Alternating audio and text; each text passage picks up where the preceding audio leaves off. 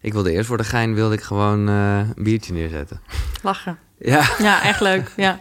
Ik krijg ook heel vaak grappen hè, van... eh heb je als een post gemaakt toen je dronken was? Nee, natuurlijk niet. Nee. Ik bedoel, ik drink helemaal niet. Ja, Nee. het is wel grappig, ja. Nee, maar ja, ik, het, ik snap het. Eh, Esther ten is hier. Eh, er komt een boek aan. Morgen stop ik echt. Net als gisteren. Ja. Nou, dat is zeer herkenbaar. Ik ben nooit echt eh, aan de alcohol verslaafd geweest. Maar aan, nou ja, ik denk dat ik het wel een verslaving moet noemen. Aan blowen zeker wel. En ja, dan hoe vaak ik dat wel echt niet echt, maar ook wel vanuit de grond van mijn ziel heb gedacht. En niet een soort flauw iets, Hm. maar echt dat je echt, van, ja nee, maar dat je echt zeker weet. ja, maar in je hoofd geloof je het ook echt, hè? Ja. Ja. dat je het morgen gaat doen, ja. Jij bent hier, ik vind het super tof dat je hierover eh, kon praten. Sobriety influencer, mooie term. ja. Eh, nou ja, het is ook, als je op die manier mensen beïnvloedt, dan is dat heel, eh, ja, heel fijn. toch? Ja, dat moet, zeker. Ik zeg er even bij, deze podcast is in samenwerking met High Humans. Misschien heb je de aflevering met Jochem Jansen gecheckt, anders zou ik dat zeker aanraden. High Humans is een platform, een initiatief dat zich bezighoudt met nou ja, mens, de mensheid zou je kunnen zeggen. Maar die zich dan inzet dat, dat, dat iedereen wat eerlijker is over zijn of haar eh, drugsgebruik. En eh, ik heb dat eigenlijk, ja, ik vond het een goed punt wat hij daar maakte. En ik zei ook tegen hem, oké, laten we vaker dat ook in Koekeroe, eh, zeg maar, voor het voetlicht brengen. En nou ja, dit is, dit is de eerste. En misschien gaan er nog meer komen. Waarom vind jij het zo belangrijk dat hier openheid en eerlijkheid over is? Nou ja, er is een beeld over een alcoholverslaafde die ik niet helemaal vind te kloppen. Je hebt zeg maar, eh, of je bent niet verslaafd of je bent wel verslaafd. Maar Mhm. in mijn ogen zit daar nog heel veel grijs gebied tussen. Zoals ik zelf. Ik was echt een, echt een binge drinker. Dus ik dronk eigenlijk alleen in het weekend, maar ik kon nooit stoppen. Maar je hebt ook mensen die drinken elke dag drie biertjes of drie wijntjes. En die vinden dat heel vervelend, maar die kunnen daar niet mee stoppen. Nee. Terwijl ze drinken nooit meer dan dat. Dus er zitten heel veel gradaties in. Maar jij zegt in beide gevallen eh, is het toch wel een verslaving. Nou ja, ik vind verslaving een heel naar woord. Oké. Ehm, afhankelijkheid, kopingsmechanismen, Ja. zelfmedicatie, die Ja, kant wil ik liever op gaan. Maar ja, inderdaad, kijk, als jij je voorneemt om te stoppen en het lukt niet, dan vind ik dat je daar redelijk problemen mee hebt. Ja, denk ik, ja. Nou, ik vond nog wel wat. Eh, Er zijn in Nederland 1,3 miljoen zware drinkers. Eh, en 12% van de, de mensen die drinken is, is verslaafd. Eh, bij wiet is dat 6%, bij cocaïne is dat 15%. Dus dat zit daar eh, een Ja. beetje tussen. Ja. Eh, ja, ik wil toch wel graag naar jou. wa- Want ik, ik bedoel, ik heb er veel van geleerd van jullie boek. Je hebt het samen met Paul Smit eh, geschreven. En eh, nou, ik ga het in een notendop heel even uitleggen. En dan gaan we daar zeker later in het gesprek nog op terugkomen. Maar jullie maken een soort verdeling waarbij er 101 mensen, of mensen, ja, eh, mannetjes, Ja. je hersenen zeg maar Besturen. besturen. Ja. Ja. En dat zijn er 50 in de categorie eh, hè, van het reptiele brein, de, die, eh, de routine, die we kennen van de fight, flight en freeze. Ja. Er zijn er 50, dat is het zoogdierenbrein. Dat is plezier, korter termijn. Ja. En dan heb je er eentje, de neocortex, en die doet de planning. En dat is, als je een beetje een soort dialoog met jezelf hebt, is dat die guy of eh, vrouw, Ja, dat whatever. is die mevrouw, ja, Ja, precies. Ja. En nou ja, de verdeling geeft al gelijk aan.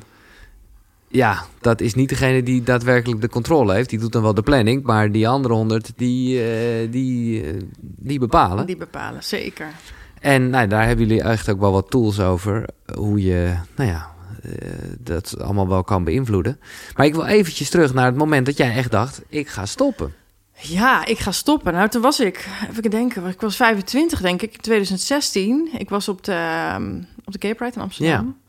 En ehm, ja, ik dronk al heel lang veel te veel. En ik werkte in de horeca destijds. En het werd me aan alle kanten aangeboden. Maar ik merkte gewoon, mijn beste vriend stopte wel om 12 uur. Maar ik, ga, ik ging altijd door, weet je.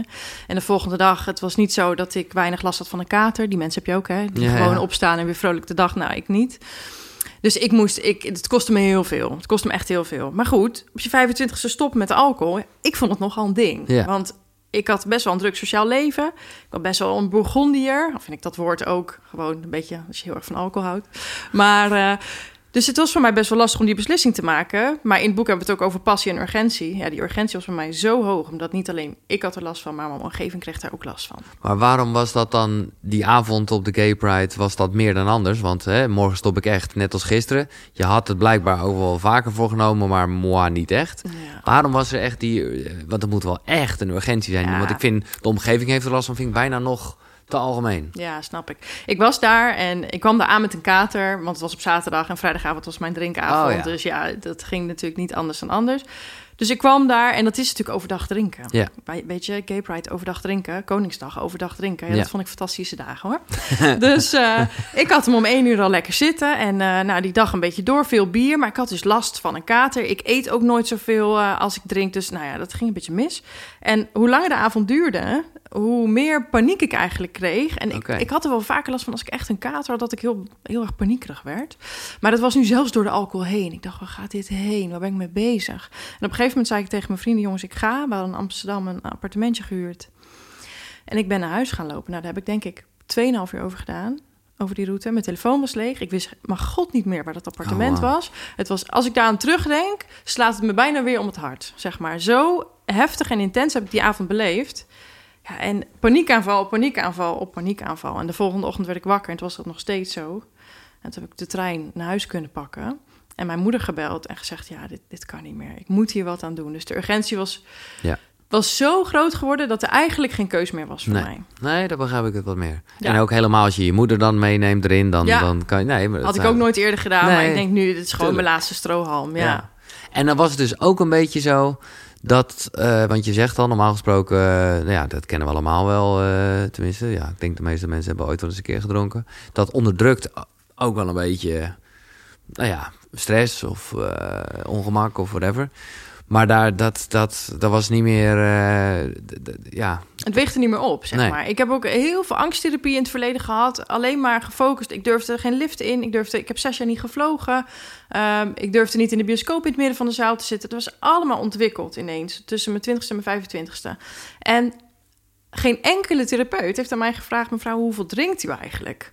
En ik denk, als ze dat hadden gevraagd... ik had heus geen eerlijk antwoord gegeven. Nee, want zo zijn we natuurlijk ook. Maar dat die vraag ineens gesteld werd... want ik stopte met drinken... en het verdween, gewoon als sneeuw voor de zon. Dus die angst en die anxiety echt... Hè, dat Ja, vind ik wel ja. mooi woord... Die, ja, die kwam gewoon één op één, kwam niet door de alcohol. En vooral Ja. als ik het dan niet dronk. Dus, Ja, maar dat is ook een beetje kip-ei natuurlijk. Ik snap wat je zegt. Ja. Maar ja, er is ook een reden dat je de hele tijd gaat drinken, denk ik dan.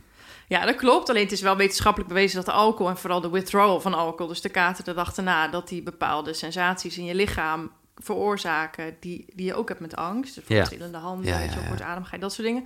Dus mijn eh, brein maakte daar gewoon een angstaanval van.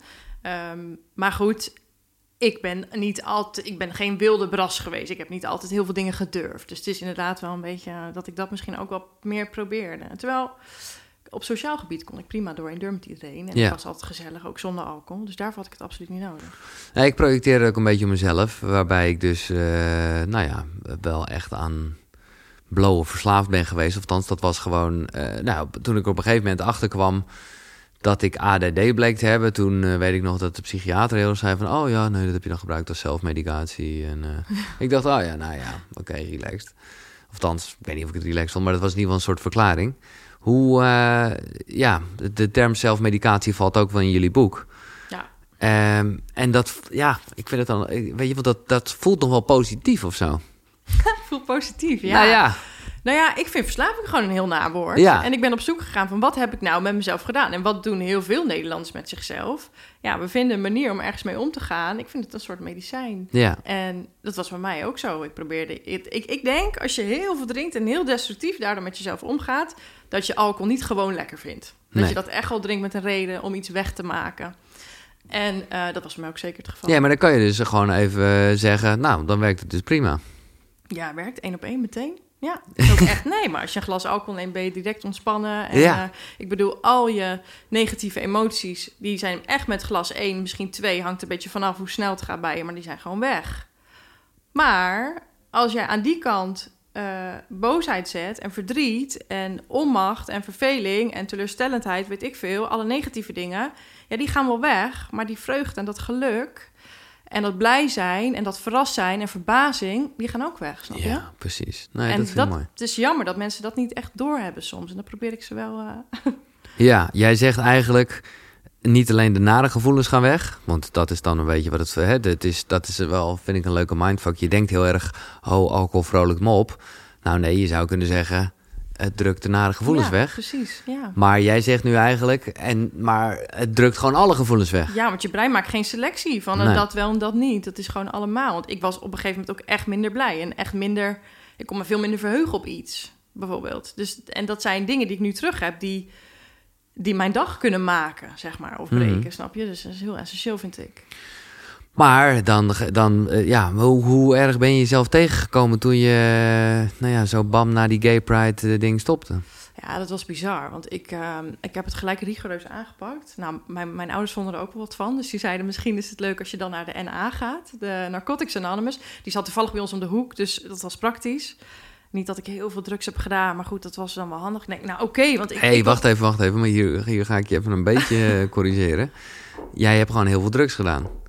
Ook wel, ja. Nee, nee, maar niet ook wel. Kijk, dit, is- dit vind ik altijd wel een goed punt. Ik zie dat in het boek, heb ik dat ook een paar keer gezien... dat er toch een soort onderscheid wordt gemaakt tussen drank en drugs. Ja, Terwijl het is een soort onderscheid tussen komkommer en groente.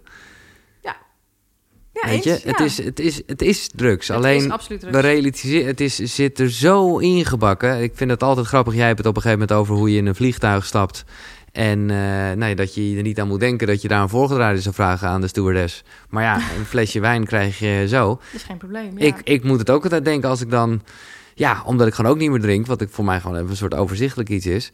Dat als ik dan een fles wijn krijg als ik ergens geweest ben en ik weet gewoon hoe het werkt. Maar ik denk ook van, het is toch insane eigenlijk. Ja, en vaak is het ook nog eens zo dat ze gewoon niet weten wat ze anders moeten geven. hè. Nee. Ik heb het zelf ook wel eens dat ik denk, ja, mijn vader is jarig.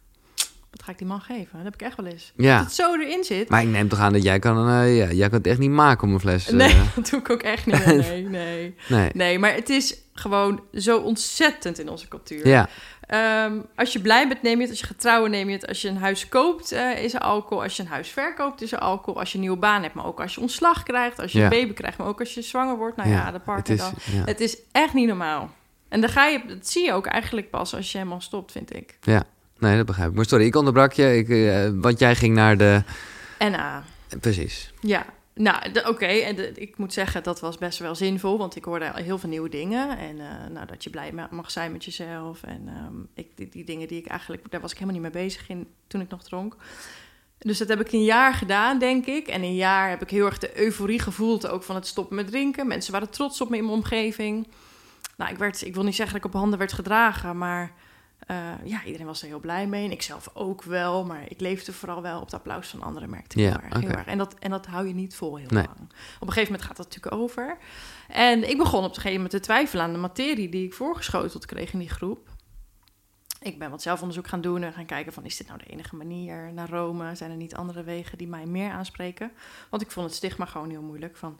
je bent eens verslaafd, altijd verslaafd. Ja, dat is, eh, ja, ja, Eh, ja. vind ik heel bijzonder dat je Ja. dat over iedereen kan zeggen. Ja. Ehm, als je hier niet komt, dan eh, begin je morgen weer met drinken.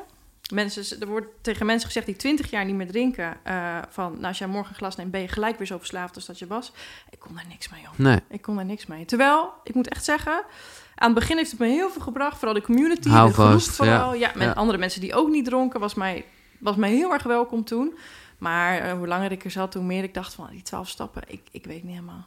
nee, Nee. vind ik wel mooi en eerlijk dat je dat zegt. Ja, ik, eh, ja. ik, ik, ik, nou ja, ik weet dat heel veel mensen er baat bij hebben, dus ik vind het altijd moeilijk om er een beetje kritisch over te zijn. Maar dat hele van je bent altijd verslaafd, ja, dat kan ook een soort mantra dan zijn, weet je wel. ja, dus dan, dan, gebeurt het wel, ja. ja, Ja, En, en, en als ik dan heel erg, eh, nou ja, mensen eh, daarover zie twitteren met hoeveel dagen ze het al niet gedaan hebben en zo, dan denk ik, ja, eh, dan ben je er gewoon nog zo mee bezig. ja, dat dagen tellen, al die apps. Het is, het is ja, ik, ik raad het mensen ook echt niet aan. Nee, Doe maar gewoon niet. Want ehm, als je dat nodig hebt om echt trots te zijn op jezelf, oké, gebruik het even in het begin. is misschien best leuk, maar het houdt je zo bezig. Mhm. Ik bedoel, dan denk je ineens 's ochtends terwijl je je bed uitstapt aan alcohol. Terwijl je dat nooit deed. nee. Dat nooit deed. Maar nu doe je het omdat je de dag ziet Ja, verspringen. ja, ja, ik ja, vind precies. dat heel... Nee. Dus dat, eh, maar goed, eh, dat was gewoon iets wat we in beweging zetten bij jou. En toen dan? Nou, toen, uh, nou, ik vond het dus heel lastig om gestopt te blijven. Want ik merkte wel, oké, na dat jaar, hmm, hmm, ik denk dat ik het wel kan alleen nu, sociaal drinken. En uh, nou, mijn hoofd maakte daar een heel mooi verhaal van. Tuurlijk. En ik dacht, nou, dit gaan we mooi eens proberen. En dat ging ook een tijdje goed. Ik denk een maand of drie, vier. Dat je gewoon één, twee wijntjes ja, deed? Of, en dan wel een keer wat meer, maar nooit excessen of zo meer, Nee. weet je. is nooit meer zo heftig. En nou ja, op een gegeven moment kwam dat toch wel weer terug. En dat ik, ik werd daar gewoon helemaal ingezogen als het ware weer. En toen dacht ik, hm, dit gaat niet helemaal goed. En toen ben Hebben ik ze toch een beetje gelijk met die twaalf stappen van... Hou op, hou op. Eh, maar het is meer je brein. Het is Ja. niet als je daar niet komt. Nee, Nee, dat zit, moet leren hoe je hoofd werkt. Maar goed, dus dat ging een beetje op en neer. Ik denk dat ik in de afgelopen vijf jaar, is het dan nu, ja... Ik heb absoluut meer niet gedronken dan wel. Ik denk dat ik na dat half jaar nog een keer of twee of drie heb gedronken. Dus dat is denk En wat was dan de aanleiding? Was dat uh, sociale druk. ja, sociale druk? Ja, absoluut. Ja. dat ik het gewoon niet meer... Nou, sociale druk in die zin dat... Ik, ik had een potje, zeg maar. En eh, dat potje was helemaal leeg. En er kwam elke keer als iemand met aanbod kwam er wat bij. En ik kon elke keer wel nee zeggen. Ja, en die neocortex functioneerde prima. En dat ging goed. Alleen op het einde, als ik me dan net even niet zo lekker voelde... en net wat onzeker voelde in die groep... of net niet iedereen kende of whatever... nou, dan ging soms voor, voor de bel. En ehm, ik vond het ook heel lastig om er niet bij te horen. Dat vond ik heel moeilijk. Ja. Echt een beetje zelfmedelijden daardoor zelfs. En nu heb je het wel goed eh, voor jezelf gemanifesteerd, omdat je nu hier zo mee naar buiten komt dat ik me niet kan voorstellen dat er nog iemand is die jou. uh... Slim, hè? Nee, nee, maar dat Nee. is een vraag ook. Ik weet niet, ik bedoel, ik, ik begon dat ik het dat uh, voor de gein, maar dat, natuurlijk wil ik dat niet doen. Maar ik kan me niet voor. eh, Of gebeurt het nog steeds wel eens? Jawel. Voor mensen die je niet kennen, of niet zo Nee, kennen. maar mensen begrijpen het gewoon niet. Ik, Nee. ik werk in de evenementenbranche ook nog. Ja. En ehm, daar, daar is ook wel eens, eh, nou ja, eh, jonge mensen om me heen of zoveel. En die, die zeggen dan, ja, maar ga je dan nooit meer drinken? Weet je wel, helemaal verbaasd. Zeg, ja, weet ik niet, ik denk het niet. Ik Nee. voel me wel fijn erbij. Maar op je bruiloft dan, dan moet je toch champagne drinken? Ik zeg, nou, ik moet helemaal niks, weet Nee. je wel. Maar het zit er zo Ja, ja, heftig ja. in. Dus dat merk ik wel. Maar eh, nee, ik krijg niet, nee, natuurlijk niet zo meer, zoveel meer als vroeger. Maar dat, dat hele verhaal dat ik zo mee naar buiten kom... is veel meer dat ik in mijn eigen kracht ben gaan staan... Ja. dan dat ik dacht van, wat is mijn remedie, denk ik. Ja. Maar, want ik snap dat wel. En ik, dit is ook een vraag die ik mezelf vaak stel. Meer met betrekking tot blow dan met drinken. Ja, ben ik gewoon wat minder gevoelig voor. Of daar heb ik wel echt excess in meegemaakt. Maar daar met blow heb ik het ook wel eens van. Ga ik dat dan nooit meer doen? En ik schuif dat een beetje voor me uit. Omdat ik gewoon denk, ja, nu in ieder geval zeker niet. Maar kijk, ik weet ook nog wel hoe het me... Ik weet ook nog wel wat het me gebracht heeft. Zowel positief, ook zeker negatief. Maar ook wel positief, weet je. Het is toch een soort nou ja, hè, geestverruimend. Het klinkt dan ineens eh, heel positief. Dus hoe zie je dat dan? Ja, ik, ik, ik, ehm, ik vind het lastig. Kijk, ik heb heel veel romantische beelden in mijn hoofd over hoe het was. En ehm, ik weet ook dat het heel leuk is vanaf glas 1 tot glas 5, zoiets, weet je wel. Ehm, alleen daarna, jongen, en die dag daarna, ja, dat Ja. komt gewoon instant in mijn hoofd als ik Ja. daaraan denk. Plus, ja, het is dus maar heel kort leuk. En ik vind mezelf nu oprecht echt goed genoeg. Ik hoef er echt geen sapjes, dingetjes meer bij te stoppen. Nee. Echt niet. Nee. Want ik weet dat ik de kans dat, het, dat ik me minder goed zou voelen als nu, dat vind ik dan niet waard. Nee. Nee. En hoe is het dan als jij... eh, hè, want het is ook een beetje omdat je er gewoon echt een probleem mee gehad hebt... en eh, dus in door bent geslagen. Als je nu iemand op het terrasje ziet en een biertje ziet drinken... Is dit daar dan ook een gevoel van walging? Of hoe... eh, Walging. nou ja, Eh, nee, ja, dat heb ik wel gehad. Och jee, dan zou ik iemands glas rosé wel in zijn gezicht Ja, willen slaan. Dat heb ik echt gehad. Maar dat Ja. is, heeft puur met jaloezie te maken. En dan Ja. ben je er nog niet, weet Nee. je. Ehm, nu denk ik van, nou ja, wat fijn als die persoon dat bij één of twee glazen kan houden. Tenminste, dat zou ik je dan aanraden om het niet meer te drinken. Dan, ehm, nee joh, lekker doen. Maar ik hoef het niet meer. Kijk, Nee. als je vegetariër vraagt, vind je het moeilijk als iemand vlees eet? Ja, ik weet niet. Ik denk het niet of Nee. zo, toch? Het is een beetje in die hoek. Eh, en, maar ben je nog ergens anders helemaal ingegaan? Hoe bedoel je? Een andere verslaving? Ja. Ja, ik heb een tijdje heel erg gesport. Echt Ja. vlak nadat ik gestopt was. Ja, dat is natuurlijk gewoon een cross-addiction. Dat, dat zie je wel vaker. Ehm, drie, vier maanden. Langer kon ik dat, langer kon ik dat niet volhouden. Echt helemaal voor de sixpack, hè? Ja, ja, ja. Helemaal all the way. Ehm, Ja, ken ik ook. Zeer erg. Maar is toch, is toch lekker? Ik Ja, bedoel, eh, in de zin van beter dat dan... Ja, maar eh, ik weet ook, ik heb die dopamine nodig, weet Ja. je. Ook dat boek wat we aan het schrijven waren, was in vijf dagen klaar. Bam. Kijk, Paul en ik zijn allebei zo. De- wanneer is het af? Gisteren. Ja. Dus ik stop het nu in de goede dingen. Maar ik heb nog wel, ik heb gewoon een eetprobleem bijvoorbeeld. Ik heb, een, ik heb echt een suikerverslaving. Daar moet Ja. ik echt op letten. Ja. Ik hou onwijs van slecht, slecht eten. Ik ben daar Ja. heel gevoelig voor. Dus ik moet mezelf daar nog steeds wel scherp op stellen. En ik, ja, dat weet ik ook gewoon. Maar om die fabriek in je hoofd te begrijpen, als je die begrijpt, dan is het allemaal wel net wat makkelijker. Ja, maar dat is, dat is, vind ik echt mooi, eh, de basis van jouw verhaal. Uitzoomen is ongeveer het codewoord. Ja. Waarbij je dus ook, want dat is iets waar we allemaal kennen, waar we dan ook mee bezig zijn. Op het moment dat we er toch aan toe hebben gegeven, dan worden we boos. Hè? Dan wordt die, die, die, die, die planner, die wordt boos. En uh, het effect is alleen maar dat je zeker weet dat het weer gaat gebeuren. Sterker nog, die planner wordt boos, maar die bedenkt daarna gelijk ook weer een verhaaltje waarom, het, waarom je er niks aan kon doen. Ja. Dus ja, dat vind ik zo mooi. En nu zie ik dat bij mezelf. Dan zie ik mezelf nu dan met chocola of zo en loop ik naar de koelkast. En dan zeg ik, ja, vandaag gewoon heel druk gehad op mijn werk. En maar echt wel een hele drukke dag gehad. Ja, maar ik stond wel heel lang in de file. Dus ik heb het echt wel verdiend. En via, via zo'n uitzoomstatus kan ik er echt van in de lach schieten. Ja, echt van in de lach schieten. En dan doe ik het soms alsnog wel. Ja. Dan denk ik, ja, nu ga ik het wel gewoon doen. Alleen um, doordat uh, ja, je hoofd denkt niet van, wat doe je nou weer? Nee, het is gewoon van, ja, nee, maar vandaag. Dus je krijgt dan een soort, dat is cognitieve dissonantie, vind ik fantastisch. Nee, Als je die door hebt, dan lig je de hele dag in een deuk om jezelf. Maar welke, uh, want kijk, jij, het woord dopamine viel en dat is een beetje waar het om gaat. Ja. Uh, dat, ja, ik, ik denk, ik ben ook verslaafd aan dopamine.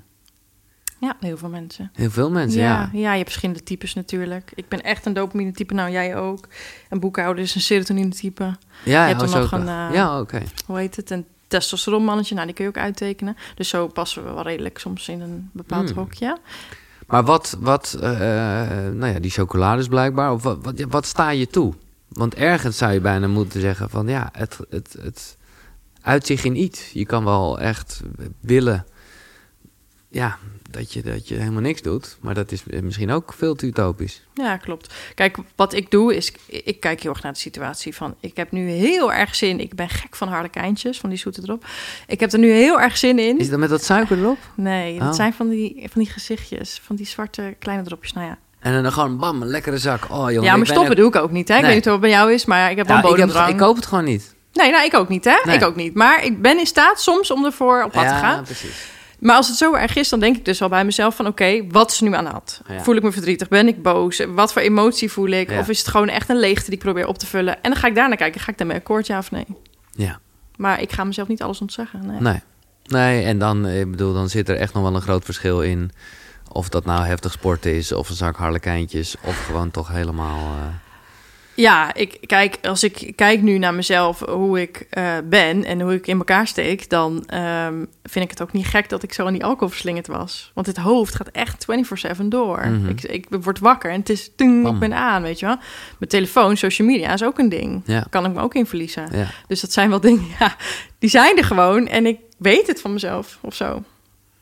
Ah, Moet ik er per se vanaf? I don't know. Ik ben al lang blij dat die alcohol geen rol meer speelt. Nee. Dus dat is belangrijk, denk Ja, ik. maar ja, dat is belangrijk. Maar ook wel goed om in te schatten dat dat slechts een middel is voor iets. Nou ja, wat gewoon echt bij jouw persoonlijkheid hoort. Want anders, nou ja, goed, in jouw geval ging je dan in, eh, eh, ging je naar de sportschool toe.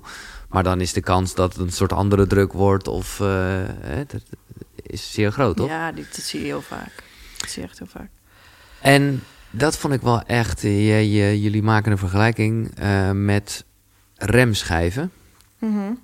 dat hoe meer verleiding er is in je leven, des te sneller die, die, die remschijven slijten, zeg maar. Ja. Dus dat betekent dus ook als je heel vaak nee moet verkopen, of zeg je dat? Nou ja, als ze dus, ja, dat vond ik nogal wat. Ja, dus als je in de horeca werkt en je stopt met drinken... moet je dus heel vaak nee zeggen, misschien bij sluitborrels of zo. En hoe vaker je dat moet doen, hoe slechter die remschijf is. Dus daarom zeggen wij ook echt van... probeer echt die omgeving niet op te zoeken. Nee. Dus dat je neocortex gewoon sterk blijft. Maar dat is dus ook de reden, denk ik, dat hè, je, we kennen allemaal wel de voorbeelden van sterren, of misschien ook gewoon mensen in de omgeving die gaan naar afkikklinieken. Dat is ook gewoon even om gewoon even die remschijven. Ja, ook. Maar ook om echt een tijd volledig uit je normale eh, wereld te zijn... waar je altijd deed wat je deed. Ja. Dus kijk, even een vergelijking te maken. Als jij altijd op de bank een glas wijn zit te drinken... aan de linkerkant van de bank... en je kijkt dan altijd Netflix... ja, ga dat gewoon even niet doen. Nee. Niet zonder alcohol. Want je brein legt gelijk die koppeling, weet je. Ja. Dus dan maak je het jezelf wel echt heel lastig. Ja, laten we even gaan, eh, want dat is eh, echt de, de, de mooie vertaling die jullie gemaakt hebben. Van die eh 50 mannetjes, die 50 mannetjes en het ene mannetje. Ja. Dus uh, het reptiele brein, het uh, fight, flight en freeze, wat ons heel erg helpt op het moment dat er paniek is. Maar ja, zoveel paniek is er niet in ons leven, zo is het ook. uh, dus, dus... Nee, niet meer. Nee, nee, nee. toch? Nee, zeker maar die is heel erg van de routine. En nou ja, ik ben daar echt een soort nerd in geworden als het gaat om mijn ochtendroutine. Omdat ik gewoon weet dat me dat heel veel houvast geeft. Ja, ja. Hoe, hoe kan je een routine aanpassen? Uh, een routine kan je aanpassen door, uh, nou ja, wij omschrijven in ons boek een methode, de, um, de, de, een als-dan methode. Ja. Dus um, eigenlijk is het gewoon, je hebt een patroon. En de patroon is nu, als ik me zus of zo voel, ga ik drinken. Of als ik thuis kom naar mijn werk, ga ik drinken. Dat is een patroon. Eigenlijk is dat al een als-dan. Dus ja. als ik uit mijn werk kom, dan pak ik een biertje. Um, dat patroon zal altijd blijven. Dat noemen ze dan ook uh, in mijn ogen de ziekteverslaving. Ja. Nou, ziekteverslaving, het spijt me, maar daar kan ik niks mee. Nee, maar, maar het, is... het is wel gewoon goed om te realiseren dat dat pad, dat is nou eenmaal gemaakt. Ja. Hè, als je bekijkt in een bos en er kan echt best wel wat overheen groeien. Ja. Maar dat paadje blijft altijd bestaan. Dat paadje blijft altijd bestaan en dat gaat begroeid worden ja. zoals, zolang jij andere omwegen gaat pakken. Dus op een gegeven moment zeg je van nou, als ik uit mijn werk kom, dan drink ik een verse munt thee. Ik noem maar wat.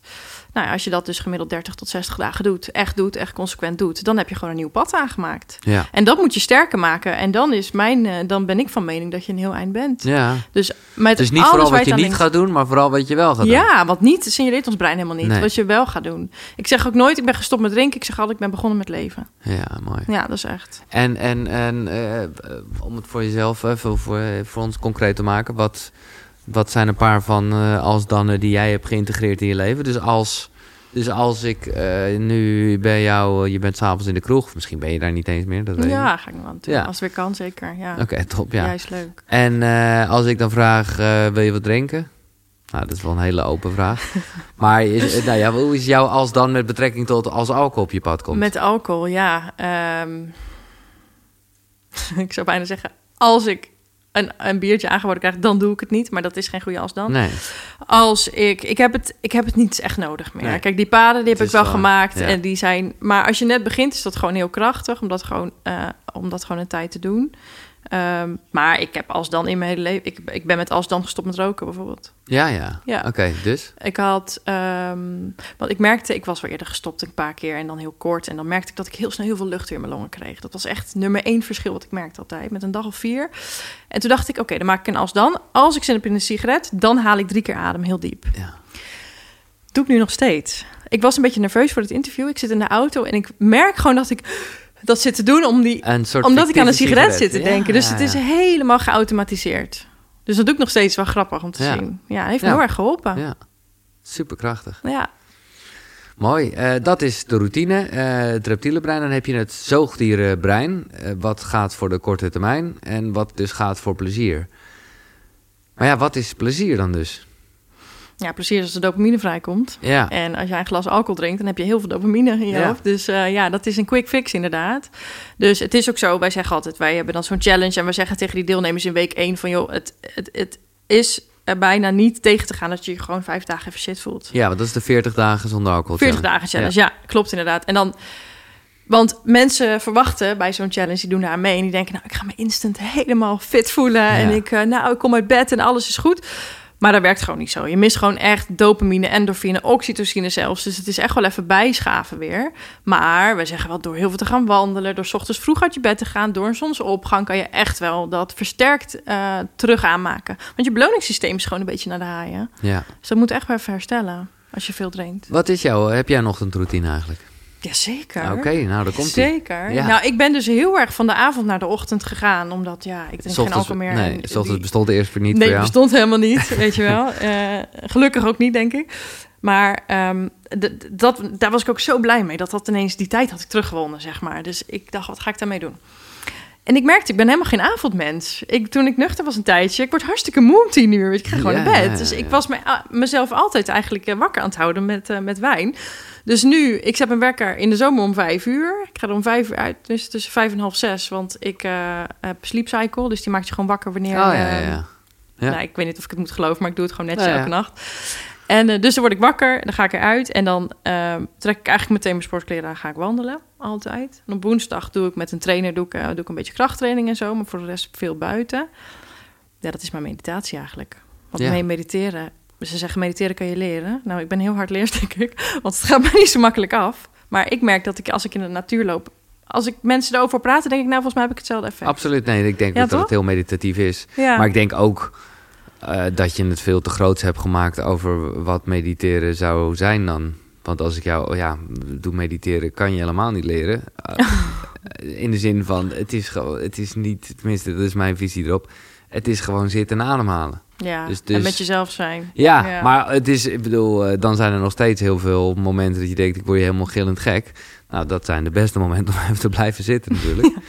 Eh, en, en, en, maar dat is het sowieso. Hè? Dat gaat weer over die, over die remschijf. Want heb je daar nu... Ja, merk je dat zelf ook? Dat als je dus inderdaad slecht slaapt... of even niet bewogen hebt... of minder eh, de wandeling hebt gedaan... Dat, ja, dat je het moeilijker vindt om niet te roken, niet te drinken. Ja, ik, vind, ik, ik merk het gelijk. Als ik slecht heb geslapen met name... of heel ongezond heb gegeten de dag ervoor... kan ik dat echt wel merken. Dat ik het lastiger vind om weerstand te bieden tegen dingen. Maar daarom doe ik ook vaak bijvoorbeeld huishoudelijke taken... die ik niet zo nice vind. Altijd allemaal in de ochtend. Dat is altijd voor acht uur al gebeurd. Ja, ja, ja. Want ik weet gewoon, s'avonds komt er echt niks meer op mijn handen. Ik weet niet of je hem zo kan reproduceren. Ik weet hem namelijk ook zelf niet meer precies. Maar er staat over dat remschijven slijten. Er staat een soort onderzoekje in. Ehm, ja, waarbij mensen dan dus eh, eerst... De, de ene mensen hebben geloof ik wel ongezond gegeten en de andere niet. Met die radijs, denk ik. Ja. Jij bedoelt. Ja, Ja. ja.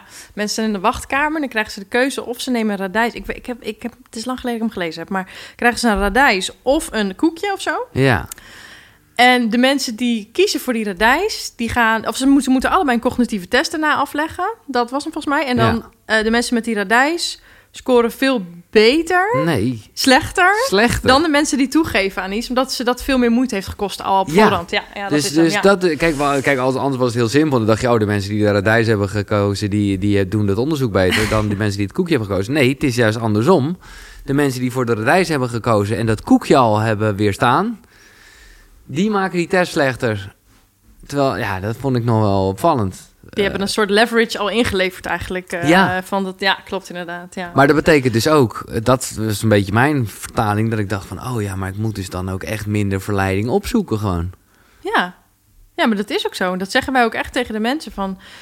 Ik vind het altijd lastig, want ik hoor dat bij de AA altijd... ga niet naar feestjes en doe dit niet en doe dat niet. Dan denk ik, ja, hallo, ik ben 25. Ja, ik kan Ja. niet overal nee Je tegen werkt blijven uh, zeggen. notabene in de evenementenindustrie. Ja, dus... eh, maar aan het begin, doe dat gewoon even niet. Nee, precies. Als je denkt dat het lastig is. En spreek met die vriendin af in de ochtend. Maak een ontbijtdate. Of ga wandelen s ochtends. Of verplaats gewoon even je dag, weet je wel.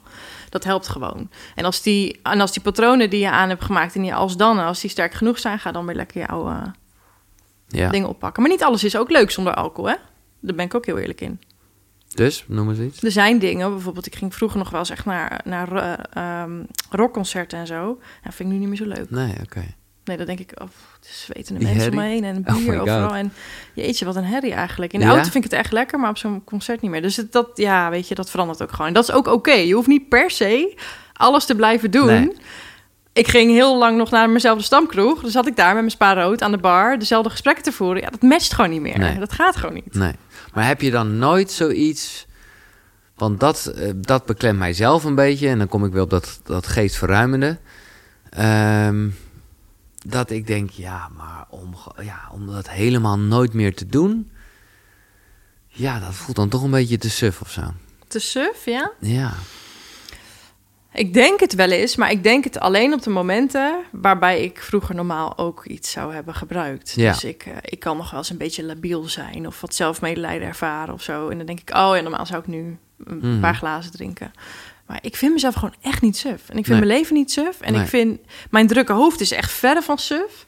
En ik, dat hele kindse en speelse is weer terug, wat ik echt jaren gewoon niet gehad heb. Juist omdat ik gewoon helder ben. Dus Nee, ik heb dat niet meer zo. Maar dat was wel iets waar, waar ik heel lang tegenaan heb gelopen. Van ja, maar hoe moet dat nou? En ik, ik ben echt een saaie doos. Als ik niet een keertje gewoon uit de band kan springen. Maar dat is geprogrammeerd, hè? ja, dat is ook zo. Ja, Dat is ook ik. zo. Maar ik kan me voorstellen, maar blijkbaar niet. Ik wil je niet ineens eh, daaraan eh, helpen. Maar dat je gewoon dan toch denkt van, nou ja, maar ik ga wel. Of juist meer in spirituele vorm, eh, weet ik wel, ayahuasca proberen. Of juist eh, die ene keer per jaar, oud en nieuw, uh, pilletje erin. Ja, ik had laatst, was ik op Instagram live met Edwin Selei. En die zei, ja, ik doe het gewoon twee keer per jaar. Maar dan weet ik ook van mezelf. Dan ga ik gewoon helemaal tot gaatje. Drinken of en wat? Dan drinken, weet ik Ja, want hij is, hij is ook echt wel even dragen gegaan. Ja, precies. Maar hij weet het, als ik het doe, dan is er een prijs die ik betaal. En ja. Uh, nou ja, dat doe ik af en toe. Um, ja, ik vind dat nog wel te spannend. Ik heb die behoefte Nee, veel precies. te weinig om daar aan toe te geven. Maar zoals je zegt, ayahuasca of zo, ben ik ben ik wel heel erg aan het over aan het nadenken, maar ook over aan het twijfelen. Omdat Ja, ik gewoon weet hoe mijn hoofd reageert op zulke soort dingen. Ja. ja, al weet ik niet, maar daar ben ik gewoon technisch gezien niet uh, goed voor onderlegd. Of dat nou echt die dopamine rush en zo geeft. Dat denk je hebt het gedaan, toch? Ja, maar ik, ja, ik weet dat dus helemaal niet of dat... Maar ik ken wel mensen die doen dat gerust zes keer per jaar. En Ja, ja dat wil ik dan nee, ook. dan Wat- wordt het ook dan gaat je doel voorbij, toch? Ja. ja. Nee, maar kijk, voor mij is het vooral iets wat nou niet per definitie leuk is. Ik bedoel, als het gaat over het uitzoomen, dan is dat iets waar dat je gewoon heel erg bij helpt. Ja. En dat is dus zeker niet nodig, want dat kan je ook met wandelen in eh, de natuur of met gewoon zitten op een kussentje. Maar het is wel eventjes uitzoomen uh, on zeg maar. Ja, precies. Ja. Wat, wat kwam je tegen? Wie, wie, eh, ja... Ja, nogmaals, het is toch allemaal wel gekomen doordat je een bepaald gev- gevoel ontliep of zo, denk ik. Weet ik ja. niet. ja, ik kom uit een best een druk gezin. Vijf kinderen. Ik ben de één na jongste. Ja, dat is allemaal later pas uitgekomen. Hoor. Ja. Daar was ik me toen echt niet van bewust. Maar ehm, ik heb me wel op een bepaalde manier opgesteld in dat gezin. Helemaal zelf gedaan, overigens. Ehm, ik, ja, ik was echt gewoon pleaser. En ik, ik, ik zorgde wel dat ik niet zo opviel. En ehm, ik had een zusje eh, onder mij en een zusje boven mij. Die hadden best wel een sterke persoonlijkheid. Dus ik, ik heb me daar heel erg in, in gevormd. En eh, ja, dat is er later gewoon gigantisch uitgekomen. Ja. Ehm, mijn moeder zei wel eens van... "Nou, Esther, hebben we geen kind aan. Weet je, als je daarmee gaat winkelen, die vindt alles goed. Als iets niet mag, is nooit een probleem. Nou, dat heb ik een paar keer gehoord. Daar ben ik heel goed op gegaan. Dus Ja. dat is gewoon een beetje mijn programmering geworden Ja. destijds. En dat is... ook mooi dat je zelf, zelf zegt van dat heb ik zelf gedaan. En zo, zo gaat dat gewoon automatisch. Zo gaat dat. Daar is dat niemand voor verantwoordelijk. Ja, behalve jezelf, maar eigenlijk ook niet. Want je bent een kind en je doet maar wat. Juist, het had ook nooit anders kunnen gaan dan Nee. dat het gegaan is. Daar ben ik ook van overtuigd. Dus, en mijn ouders hebben ook een programmering en iedereen. Dus nou goed. Dus zo heb ik dat eh, eh, gedaan. En op een gegeven moment ehm, is dat zo die andere kant op geslagen. Van ja, maar nu is het verdorie mijn tijd. Weet Ja. je wel? Nu ben ik een keer belangrijk. En nu ga ik een keer niet voor jou en voor jou en voor jou in de bres springen. Maar nu ga ik een keer voor mezelf iets doen om dat hoofd leeg te maken. Nou ja, en zo zagen mijn weekenden er dus uit. Hmm. Dus het was de hele week eigenlijk, nou, en iedereen is pijpendansen. En op vrijdag was het mijn tijd, Ja. letterlijk. En dan ging het echt, eh, dan ging het echt mis, tot het gaatje. En, En ik kan Dat- me ook wel voorstellen... Ja, sorry. En dat? en dat ben ik gaan aanpakken, want Ja. ja. dat was eigenlijk wat eronder lag de hele Ja. tijd. Ja. Nee, want ik kan me wel voorstellen dat genoeg mensen dachten... Oh, die Esther, altijd top. Ja. Altijd lachen. Echt, eh Esther, eh, ja, gezellig is het weer, feestnummer, met haar doen we het licht uit. Ja, maar dat was ook zo. Ja. En er zijn meer mensen die ook zo zijn. En daar ging ik vooral heel veel mee om. Dus Mhm. eh, ja, dat was mijn wereldje, ja. En, en wat heeft je dit... Want jij vertelt het heel mooi. Ik vind het eh, ja, eh, echt respect over hoe jij gewoon even dus inderdaad kan uitzoomen... en even je, je oude gezinssituatie erbij neemt... hoe dingen gekomen zijn. Ja. Wat heeft je daarin geholpen? Want dat vond ik echt heel top. Dat heeft me voor Koekeroe heel veel gegeven eigenlijk. Dat ene stukje uit jullie boek. Namelijk dat het maakt niet zozeer uit welke therapie je doet. Eh, als er drie dingen bij je komen, dan eh, werkt het. Oxytocine, hè, dus vertrouwen, serotonine. Dat is als je een beetje geestelijk in balans bent. Ja. En endorfine, weet ik even niet meer.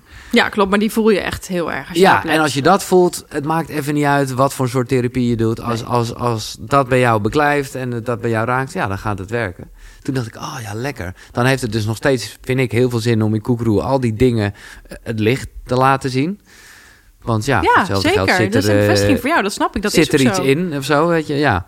Maar wat is het bij jou geweest? Nou, ik was op Curaçao op vakantie. Dat was vorig jaar maart. Moeten we even terug. Eh, ik kon daar niet weg. Corona. Ik kreeg bronchitis. Nou, we hebben daar een maand gezeten. En ik vond het daar eh, heel lastig om niet te drinken. Daar kan je misschien eens bij voorstellen. Mhm. Stranden, cocktails overal. Ik heb daar zo vaak nee moeten zeggen. Die neocortex was helemaal dood. De Die kon niks de, De meer. remschijven waren Ja, ja, ja, versleten. Ja. Ehm, maar vooral vond ik mezelf heel zielig bij tijd en wijlen. En lag ik gewoon echt te huilen terwijl ik op een fantastisch eiland was. Dus dat vond ik zo'n wake-up call. Dat ik dacht, oké, ik neem hier nu de tijd, die coronatijd, om te kijken... hoe ik dit kan veranderen. En als het niet lukt, dan ga ik gewoon weer drinken. En dan zie ik al wat schip bam. Dat was echt voor mezelf heel duidelijk. Ik heb het ook tegen mijn vriend zo gezegd van... ik ga nu alles doen wat ik kan doen. Podcast, boeken lezen, alles doen erover. Lezen wat ik kan lezen. Maar als dit niet werkt, sorry. Maar dan heb ik er echt alles aan gedaan, weet je wel? Lekker, En, eh, lekker groot zo, ja, ik hou ervan. Maar anders werkt het niet bij mij. Nee, ik denk, eh, het is dit of dat. Niet, Ja. weet je? En toen kwam ik heel snel terecht. Want ik had natuurlijk die... die eh, met alle respect voor de mensen die naar de AA gaan... Ja. ga ik zelf ook af en toe nog heen. Maar die 12-stappen programmering in mijn hoofd... Ja, het was een, voor mij echt een mentale gevangenis, kwam ik achter. Dat van je bent verslaafd, je voor de rest van je leven. Je hebt een chronische hersenziekte waar je nooit meer van afkomt. Ja. Ik dacht, waar is de hoop dan? Weet je wel, waar is dan... Hé, maar ik vind het heel mooi hoe je het omschrijft als gevangenis. Maar dat doet me gewoon heel erg denken aan bijvoorbeeld het geloof. Het is een soort dunne scheidslijn wanneer iets een houvast is of een eh, gevangenis. Juist. Dat, en, en ik snap echt wel dat het heel veel mensen helpt. Ja, ik ook. Kijk, als iemand eh, zwaar heroïneverslaafd is en die is eindelijk weer onder de mensen en die heeft houvast aan die stappen, erkent dat je verslaafd bent naar stap 12, eh, wat is het, eh draag de boodschap uit en alles wat ertussen zit, dat kan iemands leven veranderen. Absoluut. Mhm. Maar het is niet een pakketje wat je zomaar op elk individu Nee. kan plakken. Nee. En dus niet bij mij. Nee. En daar kwam ik achter. En toen ging er een wereld open aan de andere kant. Zoals Jan Geurts Ja, bijvoorbeeld. oké, zoals we gaan naar de boeken. Ja, is goed. Ik Ligt- weet niet ligt- of Jan Geurts erbij zit. Nee, nee, ja, dat, eh, precies. Want ik, ik vond het nog wel mooi. Hij ligt er niet bij. Nee, Maar hij werd wel nog- gelijk. eh, ik dacht misschien heb je nog extra gesproken. Of, of is het gewoon de inzichten. Want ik zag hem bij de bedankje staan. Ja, hij heeft een eh, testimonial geschreven voor het Ah, boek. Dus hij komt achter op de, vla- op, op de achterflap. Ja, oké, top. Wij dachten, dat gaat hij nooit doen, maar dat heeft hij gedaan. En daar ben ik heel blij mee, want Snap ik. hij heeft mij echt fantastisch veel gegeven. Vooral verslaafd aan liefde, denk ik. Ja. Ja, en, en dus ook heel erg eh, een bewustwording in, in zelfafwijzing. Ja, mega. En toen dacht ik, ah, alsof het klikte. Dit is het.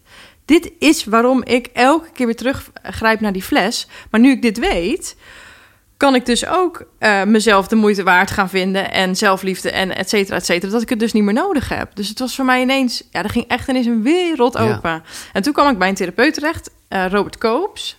Die heeft ook, zijn website is ook de verslaving voorbij. Dat klonk mij al heel Ja, lekker dat is het in de oren. Ja, precies. Eh, en, en daar ben ik geweest en die heeft die kant nog veel meer belicht. En toen dacht ik, ja, dit is het. En toen ging, ja, toen kwam Sober in Live, toen, kwam, toen ging alles rollen. Ja. Sober in Life is jouw eh, Instagram-account. Ja. Ik moet zeggen, maar ik ben gewoon wel een taalding. En ik bedoel, ja, dat is nu helemaal gewoon zo erin gesleten. Wat ook genoeg zegt. Maar sober klinkt zo sober. Ja, klinkt heel sober, hè? Ja, Terwijl in Amerika is het best wel een heel normaal woord, ja maar hoor. daar is het sober echt alleen alcoholvrij, ja, toch? precies, precies. Maar wij, en dat zegt genoeg, dat is ook een beetje verkrekt misschien. Maar sober is, eh, heeft bij ons ook los van geen alcohol een, een ja, toch een wat... Een boord, ja, Ja. Maar die naam is ook natuurlijk met heel veel dopamine bedacht in Ja. één dag. Weet je, ik het heb wel goed hoor, want het triggert gelijk wel. Want niemand wil sober in live staan of zo, weet je wel. En jij Precies. straalt dat wel uit. Dus, ik, dus het triggert me ook heel erg. Juist als je op mijn pagina komt, is niks sobers aan mijn Nee, pagina, weet je. nee, dus dat is wel echt de grap eraan, inderdaad. Maar eh, dat is allemaal gaan stromen eigenlijk toen ik zag wie ik was. Ja, ja, ja. Ja. Dus dat is best nog wel eh, fris. Heel fris. Ja. Ik denk dat in augustus mijn eerste post geplaatst Ja, heb. ja, ja, ja, oké. Dus dat is best wel snel gegaan. Ja, En eh, ja, eh, maar zoveel te leren over jezelf. Ja. En dat heeft gewoon, mijn hele ontwikkeling heeft vanaf mijn 16e tot mijn, nou ja, tot mijn 29e helemaal stilgestaan. ja. Nou, nou, nou, dat vind ik... eh, niet- voelt het nu, omdat Ja. ik zoveel Ja. heb om te leren Nee, over ik snap het hoor. Maar het is, eh, ook dat heeft zo moeten zijn. En heeft je dus heel veel geleerd. Zeker, Maar ja. ik, snap, ik snap wat je zegt. ja. Oké, de drie boeken die je wel hebt meegenomen. Sorry Jan, je hebt het, eh, de achterflap geschreven, maar je hebt de top drie niet gehaald, begrijp ik. Hij ligt op tafel nog. Ik wist het niet. Nee. Ehm, nou, Paul Smit boek. Oh ja, Veranderen voor lui Smit heb je, mensen. eh, ja, Natuurlijk, samengeschreven met Aitja Sapora. Nou, en dit boek heeft mij van het rook afgeholpen, wat ik net zei. Ehm ben ik heel blij mee. En dit want wat is de, eigenlijk- ik ken het boek niet, moet ik eerlijk zeggen. Ik ken Paul Smit wel, eh, maar wat is de essentie Hier van veranderen nog- voor lui mensen? Hier worden nog veel meer de gewoontes doorbreken Ja. aangepakt. In ons boek is een klein knipoogje naar het begin, maar dit is eigenlijk, het gaat helemaal over. Hoe die drie breinen in elkaar zetten, Ja. hoe eh, bewustzijn, eh, hoe, dat werkt, hoe je onderbewustzijn vooral werkt. En op en, het en- en einde... hoe het onderbewustzijn, er zit op een gegeven moment een soort rekensommetje in jullie boek, dan word je helemaal gek. ja. Hoeveel het onderbewustzijn ja, veel meer. zoveel meer En dan op het eind heeft het nog wel een vleugje non-dualiteit, deze ook. Ja, en dat vond ik mooi, maar dat was weer mijn ingang naar. Naar non-dualisme. Ja, Oké, ja, dat is een onderwerp. Wat ik, eh, wat ik, nou ja, helemaal niet eh, vermijd, dat is overdreven, want dan zou ik er echt te veel mee bezig zijn. Maar ik heb Paul nog niet uitgenodigd, omdat ik gewoon denk, ik moet er nog, voor mijn gevoel, moet ik het nog meer snappen. En ik begin het wel steeds meer te snappen. Maar ik vraag het gewoon aan iedereen die ook maar de term laat vallen. Dus nu ook aan jou. Wat is non-dualisme? Wat een shitvraag. Ja. ja, kijk, weet je, jij omschrijft het nu, maar zo is het voor mij ook. Hè? Ja, okay. Alleen er zijn een heleboel aspecten aan, uh, aan dat non-dualisme, wat, waar, wat, wat, ontzettend bij mij resoneert. Bijvoorbeeld, uh, je hebt geen vrije wil. Nou, daar ben ik het helemaal mee eens. Um, ik doe dingen en ik vind ja, dingen. Ik, ik, weet je, maar dat wel. Komt... Sorry hoor, sorry. Uh, hoezo heb jij geen vrije wil? Omdat jij, ik het gewoon voor heel weinig procent maar zelf bepaal. Ja, maar uiteindelijk heb jij toch uh, in 2016 naar de Gay Pride bedacht en ik stop ermee. Dat had zo moeten zijn, ja. Ja, maar dat heb jij wel bedacht. En dat was, dat was toch even de planner die, die op basis van de urgentie en de passie het reptiele en het zoogdierbrein kon overtuigen. Ja, door nieuw, ja, klopt, door nieuwe patronen aan te leren. Dus maar, dat, is, dat, dat, heb je gewoon zelf gedaan. Ja, maar ik geloof dat dat dus ook nooit anders had kunnen gaan. gaan dat, dat had nooit anders kunnen zijn ja, dan dat. Niet? Ik bedoel, er zijn honderdduizend andere Esters die nog steeds, uh, die gewoon hun leven lang zo hadden geleefd. Ja, dan had dat voor hun zo moeten zijn. Snap ja, je? Het is, ja, het is een beetje uh, niet uit te leggen. Nee, oké. Okay. Voor mij dan ook. En ik vind dat ja, maar juist ik vond heel. Het, kijk, daarom, daarom sla ik er zo op aan. Sorry, maar ik vind het dan dan staat het bijna inherent als het heeft allemaal geen zin om dingen te ondernemen, want het gaat toch zoals het gaat. Nee, maar dat doe je niet. Nee, dat doe je dus niet, nee. Nee, nee heb ik ook heel lang gedacht. Dan zei ja. ik had ik ook tegen, had ik ook met Paul een discussie over. Nee, dat Patrick ja, Kikker die, die jouw voorwoord heeft geschreven, ja. of jullie voorwoord, die, die had ik een leuk gesprek mee in zijn podcast en die, die benoemde dit ook wel heel erg op een manier dat ik dacht, oh ja, Natuurlijk, want je wil niet, want dat, dan zeg ik altijd van ja, dan zou ik wel gewoon blowen en een zak chips op, op de, de, bank, bank liggen. zitten. Ja. Maar dat is helemaal niet wat je in, Nee. in, in intentie, hè? dat Nee, wil je niet. Als, je dus niet. dat weet ik gaat ook wel. helemaal niet zo. Nee, En dat zou helemaal niet het liefste zijn wat je zou willen doen, toch? nee. Nee, dus Nee. ja. En ik vind het vooral heel mooi, want het non-dualisme helpt me om het verleden te zien als iets wat nooit anders had kunnen zijn dan Nee. dat het was. Dus daar gaat gelijk dan een groot gedeelte schuldgevoel vanaf Ja. en schaamte vanaf en spijt en dat soort dingen, want het is nu zoals het nu is en dat komt omdat dat gebeurd is, zeg maar. En dat vind ik fantastisch. Daar, dat vind ik heerlijk om, over, om, om daar zo over na te denken.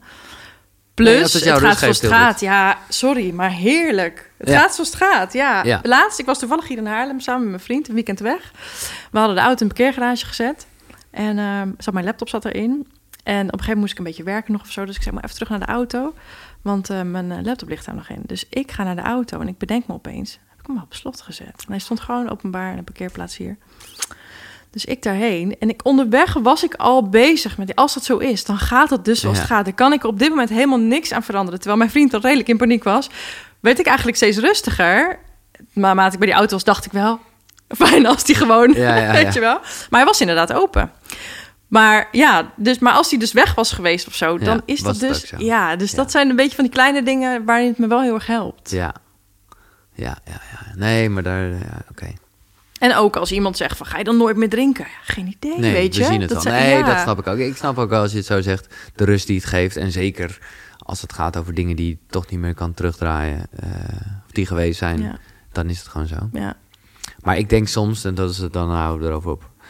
Eh, want, ik, want ik denk dat we het heel erg eens zijn. En ik geloof gewoon heel erg in alles is één. En dat is ongeveer de basis van het eh, non-dualisme. Maar ergens denk ik ook wel van... Dat vind ik altijd een beetje zo'n soort onrust. Van, we leven juist heel erg in een duale wereld. En hè, dat heel erg van zonder donker geen licht. Ja, dan is het dus wel donker en licht. Dus dan is het toch wel dualisme? ja, ik snap wat je bedoelt. En daar heb ik ook geen antwoord op, nee. Heel eerlijk. Nee, top.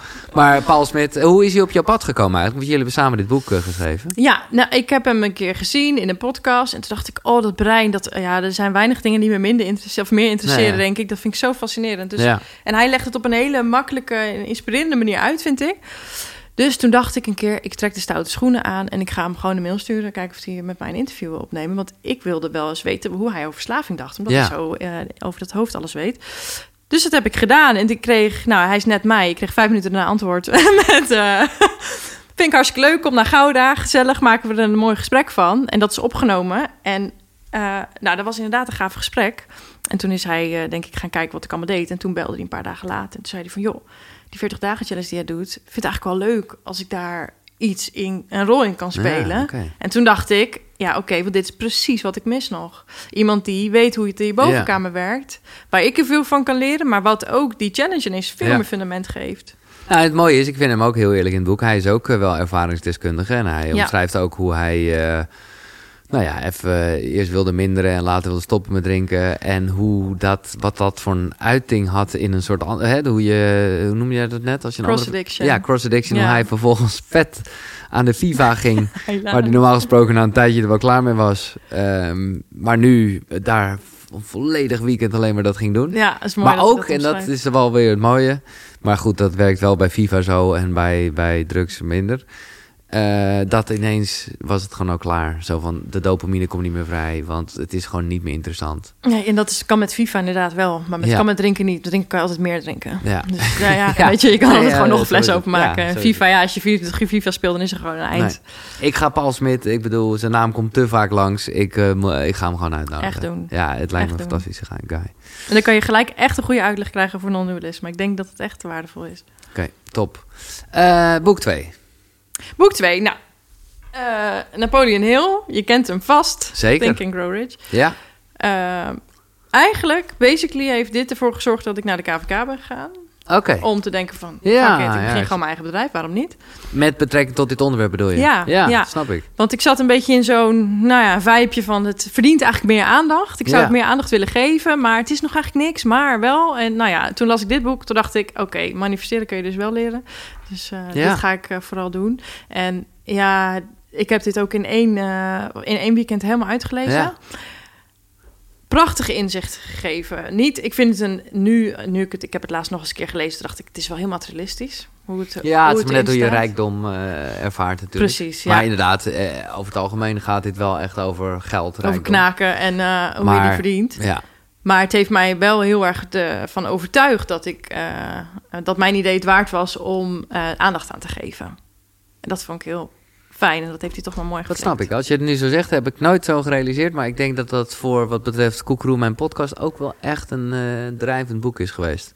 Eigenlijk heb ik daarvoor nog Michael Pilatschik gelezen, die ook deze vertaling Ja. gemaakt heeft. Ja, ja. Dus ik denk dat dat het voornaamste was. En ook een hele nieuwe kijk op... ehm, ehm, nou, ga eens dingen voor je zien, ga eens dingen visualiseren. En eigenlijk deed ik dat altijd al. Mhm. Weet je, ik zag mezelf altijd al wel ehm, iets belangrijks doen voor mensen of zo. Ja, Weet je ja, wel? ja. Dus ik, ik kon er daar een was beeld nog bij een beetje... ja, een beetje blurry en ik wist niet echt hoe. En, eh, en dit boek heeft er wel voor gezorgd van, nou ja, denk er maar vooral heel veel aan. Ja. Want dan kan het best eens zijn dat dat gaat gebeuren, Ja, ja. weet je wel. Nou ja, nu zit ik hier, dus Ja. ja. Wam. ja, nee, lekker. ja. Eh, Ja. En de laatste. De laatste, die heb ik net uit. De Wine O'Clock Myth. Nou, als je wil weten hoe eh, alcohol in onze cultuur zit... dit is eh, een vrouw uit Nieuw-Zeeland toevallig... maar dat verschilt niet zo heel veel Nee. van in Nederland... dan is dit boek echt eh, een goeie. Heeft mij heel veel geleerd over wat alcohol eigenlijk is... ehm, wat het met je doet. Het is eigenlijk gewoon een schoonmaakmiddel wat we op zitten te drinken... alleen dan net iets mindere dosering. Ehm, hoe het vooral ook ehm, hoe het bij vrouwen werkt. Dus eh, dat Ja, vrouwen dat zie ik. The gewoon- truth you need to know about women and alcohol. Dus Women and alcohol, ja. Specifiek daarover, ja. Dus het is echt wel zo dat vrouwen wel eerder verslaafd raken aan alcohol. Dat vrouwen eerder dronken worden. Ja, dat is echt allemaal waar.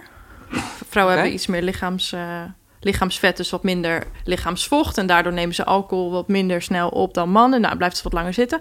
Maar ook vrouwen... eh, Voor vrouwen is het een bruikbare kopingsmechanisme. Is ja, eh, dus Een, een, een meer een quick fix dan bij mannen. Zo werkt, het, eh, zo werkt dat. En ja, ik weet niet. Dit boek heeft me zoveel nog geleerd wat ik niet wist. En ik dacht dat ik er heel veel wist over alcohol. Dus dat is En, tof. maar hebben we het dan over, want ik heb ook wel veel geleerd weer van, van jullie boek. Zo van bijvoorbeeld, hè, we weten allemaal wel dat alcohol eh, slecht is voor de lever en zo. Dat is tenminste, tenminste, dat wist ik wel. Ja. Alleen dat het er ook toe leidde dat je dus je cortisol, hè, stress, minder goed ging verwerken. Want je lever moest eerst aan de slag met eh, die alcohol. Toen dacht Ja. ik, oh wauw, maar dan is het echt gewoon... Ja, die, ja ergens is het dan stressverhogend, zou ik kunnen Je zeggen. moet je eigenlijk voorstellen, alcohol is hartstikke giftig. En je lichaam gaat altijd eerst het allergiftigste eruit halen wat er in je lijf is. Dus alles wat jij doet daaromheen, dat wordt op de tweede plaats gezet.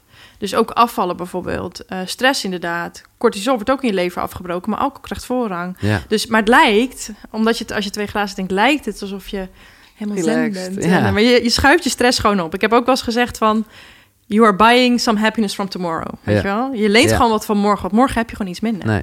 Nou, dat is natuurlijk wat je met eh, bijvoorbeeld eh, andere drugs, eh met MDMA, hè, heel erg hebt. Dat je dan, dus dan letterlijk, ik denk dat het serotonine is, ik weet niet zo goed hoe, maar in ieder geval ja. geluksheidsstofjes Eh, dus dus de dag daarna, of eigenlijk die dag daarna, voel je gewoon niet zo fijn. Want het is gewoon al opgebruikt. Ja, ja daarvoor komt dan ook, ook voor mij die dinsdagkater, toch? Ja, Van die dag daarna gaat het nog, maar die dag daarna ga je ineens helemaal down. En alcohol heeft dat eigenlijk in, in kleine mate ook al wel best wel erg. maar wat zat er nog meer? Want het is, even onduidelijk. Gaat dit boek dan heel erg over, eh, zeg maar, technische gedeelte? Technisch gedeelte, Ja. maar het wordt afgewisseld met verhalen. Dit is, dit is een mevrouw die is begonnen met bloggen ooit. En die heeft heel veel verhalen gekregen van heel veel lez lezeressen van haar. En die worden voorgelezen, of tenminste, die heeft ze opgeschreven. En eh, daarna komt iets eh, technisch en iets wetenschappelijks, zeg maar. Dus het wisselt elkaar af. Ik heb de helft gelezen en de helft op Storytel geluisterd. Ah, En dat is zo'n heerlijk Nieuw-Zeelands accent. Ik kan nou, het iedereen aanraden om Oh, Storytel... oké, ja. En eh, dus, maar dat is ook twee andere stemmen. Dus de stemmen die de brief leest, een andere stem als. Oh, dat is echt dat wel is lekker. En Hmm. ja, ik vind dit. Kom op, iedereen moet dit gewoon lezen een keer. Ja. Alle, want ik heb zoveel. Maar wat is de moraal van dit verhaal? Eh, want dat, dat weet ik nog steeds dus niet echt. Ik stelde eerder al een beetje die vraag met als je iemand op het terrasje ziet. Vind jij dat de wereld alcoholvrij moet zijn? Nee, moet Oh, niks nee, verbieden. Nee, moet niks Nee, verbieden. moet niks verbieden. Nee. Kijk, ik vind alcohol mag je wel zien als een slagroomtaart of zo. Ja. Als je het dan echt wil drinken, doe het dan echt af en toe, occasionally, weet je, bij Ja. speciale gelegenheden. Maar laat het je niet zo, laat het niet zo'n grote rol in je leven spelen. Laat het niet afhangen van je emoties, afhangen Nee. van hoe je je voelt. Laat het geen quick fix zijn, want je hebt het allemaal zelf in je. Maar dus ook, je- en dat vind ik een mooi hoor, laat het vooral ook niet zo normaal zijn. Ja. Hè, waar, waar we vroeger, daar kijken we nu echt een beetje lachend naar hè, met, met roken. Ik moet er ook zelf nog steeds aan denken, hoe ik gewoon om mijn werk, ik heb het laatst met een collega gehad, dit is allemaal niet meer voor te stellen. en trein, en ja. ergens is het gelukkig dat het niet meer is voor te stellen. Ja, Maar denk jij, of, of nou ja, laat ik eerst, wat je hoopt, dat is me wel duidelijk, maar denk jij ook echt dat het gaat veranderen? denk het wel. Ja? Ja, ik denk het wel. Ik denk dat we het over 15, 20 jaar weer een heel ander gesprek hebben. Dat denk ik, dat hoop ik ook, maar dat denk ik ook echt. Ze hebben het nu natuurlijk al over van we halen het uit de schappen van de supermarkt. Ja. Ja, tot zover zou ik ook gaan, denk ik. Dat je het bij de slijter moet kopen. Ja. Dat het niet zo makkelijk meer verkrijgbaar is. Maar dat vind ik dan van alle drugs, hè? Eigenlijk, ja, ja, hè? ik. Dus ik heb zoiets van, als, waarom dit wel en dat niet? Dat vind ik dan ook onzin. Maar probeer het dan wel wat, wat te doseren. Dus een klein beetje controle over te hebben. Maar ehm, ik denk dat, dat we daar naartoe gaan. Als, ik, als je al ziet van de afgelopen vijf jaar hoe het veranderd is... en hoe eh, eh, zelfs nu eh, is het advies drink helemaal niet... terwijl het altijd één glas is geweest... ik, ja, we gaan volgens mij best wel een goede kant op. Mhm. Ja. Maar eh, heb jij niet het gevoel, en dit is ook een beetje projectie, omdat ik het voor mezelf ook gewoon even heel duidelijk heb, zo van oké, niet en wel. Maar ergens, als ik naar mezelf kijk, denk ik ja, dat is dus niet in balans. Wat is niet in balans? Nou, ik kan, de, ik bedoel, dat is gewoon voor mezelf nu even een soort duidelijkheid. Ja. ja, ik zeg ook minder is ontzettend moeilijk. is echt topsport. Ja, Dus ik, dat lijkt me heel ingewikkeld, ja. ja. Maar Eh, ik- nee, maar dat, is, maar dat is ingewikkeld, maar is dat wel een streven? Voor mezelf? Ja? Nee. Nee, Nee, maar- ik wil het echt niet in mijn lijf hebben, nee. nee je wilt echt niet meer in je Nee, lijf ik wil het echt niet in mijn lijf hebben, nee. Nee, Ik vind het ook echt vies. raar. Ik, nee, het is gewoon, Nee, het is gewoon giftig. Ik hoef dat niet. Nee. Maar ehm, ik heb wel een tijdje geprobeerd te minderen. En iedereen die ik spreek ook... Ik eh, heb natuurlijk veel contact met die mensen die challenge. Die neocortex gaat er op een gegeven moment aan de haal van... ja, maar na twee weken, ja, maar dat doen we wel minderen. Dat doen we gewoon in het weekend alleen. Of, ja, dat is de planner die alles goed lult. Ja, dat is Ja. echt zo moeilijk, joh. Er zijn maar weinig mensen die het kunnen. Maar dus, dus ze zijn er wel. Dus Ja. ik zeg niet van ze zijn er helemaal niet, het kan niet. Maar het is gewoon fucking moeilijk, joh. Ja. Maar dan, eh, maar wat, wat, wat, eh, of, maar wil je nog wel af en toe van deze planeet even af zijn? Zal ik maar zeggen. Dat is echt een goede vraag. Jeetje. Wil je nog af en toe van deze planeet? Ja. Ik, ik heb het idee dat ik dat wel... Ik kan dat wel bereiken, somehow. Ik heb, Zelf? Ja. Ja, precies.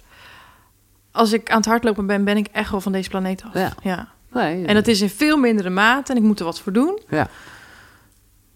Maar ik ben me daar nu heel bewust van. Ik ben me heel bewust van hoe ik, hoe ik me voel. Maar ook heel bewust van als ik aan het hardlopen ben, wat voel ik dan? Oh ja, oh jeetje, dit is bijna LSD wat ik nu ja, voel. Ja, ja, ja, Nou ja, kijk, en je, daar, hoef je, daar, daar, daar hoef je niet per se bij stil te staan. Ik bedoel, niet elke hardloper zal dit ervaren. Maar als je daarna op zoek gaat, denk ik dat je dat echt wel voelt. Dus ja, Nee, ik, heb, ik denk dat ik het ook in het gesprek met eh, Jochem van uh, Humans heb gezegd. Maar ik ben er toch een beetje recent op teruggekomen.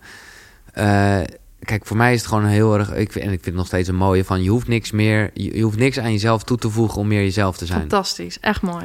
Ja, maar ik, later dacht ik wel van... Ja, maar het is niet waar. Wat dan? Nou, ik wil wel... Ja, het is een beetje flauw misschien, maar ik wil wel eh, zuurstof of water Ah, aan mezelf toe te voegen om ja, beter mezelf te kunnen zijn. Dus ik, kijk, ik merk gewoon heel erg dat, ik dat, dat het voor mij heel lekker vast is en zwart-wit. Maar dat is net als dat ik bijvoorbeeld weet van ik zit veel te veel op internet. Maar ik moet niet gaan zeggen het internet is slecht. Nee, want ik heb ook heel veel eh, geleerd. En er zijn ook heel veel filmpjes die mij heel veel eh, wijsheid hebben gegeven op YouTube. Ook heel veel kansloos. Dus snap je, het is, het is, was het maar zo makkelijk van dat je kan zeggen: Oké, eh, nou ja, een beetje wat jij nu, en ik snap het heel erg ook met je ervaring, maar gewoon heel erg zeggen van niet meer. Maar misschien, ik bedoel, eh, ja, dat weet ik even niet of jij het dan was op Paul. Heb jij nou je partner ontmoet door, de, door het bier? Ik heb mijn partner ontmoet bij de NA. Oh, oké. Ja, Dus jij dan via een omweg via het bier. ja eigenlijk wel. Hij zat daar voor iets anders, cannabis. Dus het was, eh, dat was niet ons raakvlak. Maar dat zegt ze bijvoorbeeld ook, om daar even wat over te Ja. Van, joh, eh, je bent verslaafd. Eh, iedereen is even erg verslaafd. Dus eh, je koopt eerst een plant. En als dat goed gaat, koop je een huisdier. En als dat goed gaat, dan begin je eens aan een partner. Nou ja, ik ontmoette op dag één mijn partner daar. Ehm, dus daar vonden heel veel mensen wat van, Ja. natuurlijk. Maar dat is juist fantastisch goed gegaan. We hebben Ja. elkaar ontzettend in versterkt. En hij snapt ook alles wat ik zeg. Dus Ja. dat is gewoon lekker. Maar dat is ook En zo- hij is er net zo rigoureus in, eh, als in, eh, of, eh, of kan hij af en toe nog een blootje roken? Hij, kan niet, hij wil af en toe geen blootje meer roken. Ik weet niet of hij het kan. Hij is gewoon gestopt en hij is niet meer begonnen. Nee, precies. Hij heeft, maar hij heeft het dus niet met alcohol.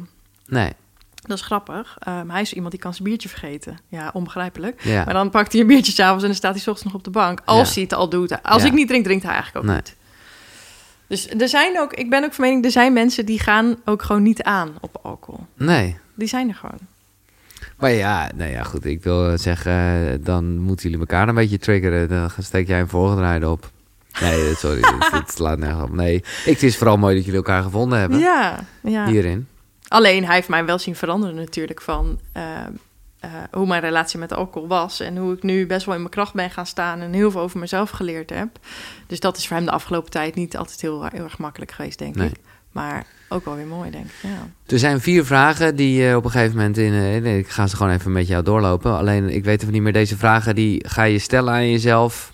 Ook een beetje om eh, nou, een soort stok achter de deur te krijgen. Mhm. Dus, Esther, wie wil je zijn? Wie wil je zijn? Ik wil iemand zijn die ehm, anderen eh, goed advies kan geven. Ik wil iemand zijn die helemaal zichzelf is, zonder er iets aan toe te voegen. Want ik vind dat wel een hele mooie. Ja, nee, ik ook hoor. Het is ook nog Ik steeds snap wel ook wat je net zei. Eh, dus dat. En ik wil vooral heel erg mezelf zijn. Want ik heb heel erg het gevoel dat ik dat ook lang niet ben geweest. En wat levert je op? Dat is vraag twee. Hè? Dit zijn eigenlijk vragen die je normaal gesproken aan jezelf stelt. Wie wil ik zijn? Wat levert het me op? Wat levert het me op? Ja, rust en rust. Ja. Vooral. Ja. En misschien soms ook onrust, maar gewoon vooral je echte gevoel. Ja, en dat is, ja, staat wel redelijk inherent aan rust voor mij dan. Ja. Eh, wat kost het mij en de mensen om mij heen? Of wat kost het jou en de mensen om je heen? Wat kost het jou? en de Ja, mensen het om is nu een beetje gek om deze vraag te stellen. Ja. Het is eigenlijk meer als je ergens Het dus mee wil stoppen. context, hè? Ja. Ja. Nee, oké. Dus dat slaat nergens op. Ehm, maar oké, laat ik de vraag dan wat, gewoon wat algemener stellen. Wat, wat, wat, eh, heb je een soort doel wat je hiermee wil bereiken als eh, sobriety influencer? Ik heb als doel dat er niet meer zo ehm, ingewikkeld over gedaan wordt. Ik heb Nee. het idee, eh, kijk, iedereen heeft een vorm van eh, verslaving in zich. De ene scrolt de hele dag door TikTok. De ander die, eh, die koopt elk shirtje wat hij ziet, wat hij mooi vindt. Die vindt blow heel leuk, die drinkt. Nou ja, ik denk dat we allemaal in some way een kopingsmechanisme hebben. Ja. En dat we daar echt niet zo spastisch over hoeven te doen. Kijk, het woord alcoholisme is ook zo apart. Je hebt ook geen cocaïnisme of Nee. nicotinisme, snap je? Dat is alleen met alcohol. En ik probeer dat een beetje te doorbreken. Dat probeer ik een beetje van, joh, waarom is het allemaal zo anders? Weet je, Ja, ja, als ik met iemand praat, eh, hebben ze altijd gelijk heel erg de neiging om zich te verdedigen over hun drankgebruik. Ja, ik drink niet zoveel, nee. En ik, nou ja, weet je, ik, nee, ik ben geen alcoholist. Ik drink wel elke dag, maar ik ben geen alcoholist. Nee, want stel je voor, als je alcoholist bent, dan word je in een bepaald hoekje geduwd. En zo is het ook nu nog. Dus ik hoop dat we dat wat meer ja, kunnen laten vermengen. En dat mensen ook wat meer openbaar op mijn Instagram kunnen reageren. In plaats van alleen maar in DM. Want het is echt. Schaamte is gewoon heel Ja. groot. En taboe is gewoon heel groot. Ja. En zonde. Want waarom is het wel oké als iemand elke dag naar de HM surft? Ja, oké, maar ja, het is niet dat mensen daarvoor uitkomen, toch? Nee, oké. maar dat zou je dan makkelijker toegeven, denk ik, dan dat je te veel drinkt. Ja, dat weet ik niet. Is mijn idee. Misschien is het een verkeerd voorbeeld. Nee, maar- nee, nee, maar ik snap wel wat je... Ik snap aan de ene kant wel wat je zegt. En ik vind het heel leuk inderdaad. Dat, is nooit, heb ik nooit gerealiseerd dat cocaïnisme en zo niet bestaat. Maar dat zegt ook iets... Ja, misschien... Kijk, dat, daar had ik het met Jochem over. Kijk, hij, is, ja, hij staat heel, ja, heel, heel zelf nieuwsgierig naar, naar drugs toe. Ja. Eh, en is best wel anti-alcohol. Dat ben ik ook. Omdat het juist zo ingeburgerd is waar we het eerder over hadden. Ja, ja, ja. En ja. hij liet op een gegeven moment... Ja, ja, liet hij mij iets zien van, van de problemen die verschillende drugs veroorzaken. En, en er stond alcohol daar echt bovenaan. Ik zei, ja, maar komt dat niet gewoon omdat je het ook bij de winkel kan kopen? Dat was niet zo, zei hij, want dit was helemaal terugberekend naar... Ja, hoorde ik, ja. ja. Maar dat is wel... Ja, kijk, ik, het, het- ja, het is niet voor niks toch ook gebeurd, denk ik, in de mensheid. Dat dit overal verkrijgbaar is. Ja, dat is erin geslopen. Terwijl het eigenlijk bedacht is, gewoon als medicijn, echt als medicijn. Van wij gaan nu eh, eh, jouw tenen amputeren, ik noem maar wat. En we gooien er heel veel alcohol over en je voelt het niet meer. En zo is het bedacht. En zo Ja. is het uitgevonden ook, weet je. Maar we hebben daar zelf iets heel eh, bijzonders van gemaakt. En ik, ja, ik vind het ook heel gek dat, het, dat dit dan wel allemaal kan. En Ja. dat een lijntje kook dan helemaal verkeerd is. Ja. Maar, en dan, dan stel ik de vraag nog één keer. Ben je nog op van plan? Of nee, je, je, je hoeft, ik zou je er niet aan houden. Want het, we, we zien het wel. En dan je lisme all over the place. maar, maar eh, kijk, als je dit zo weer namelijk noemt als een medicijn... Ja, dan heb jij gewoon even iets te veel medicijnen gebruikt... wat gewoon nooit een goed idee is.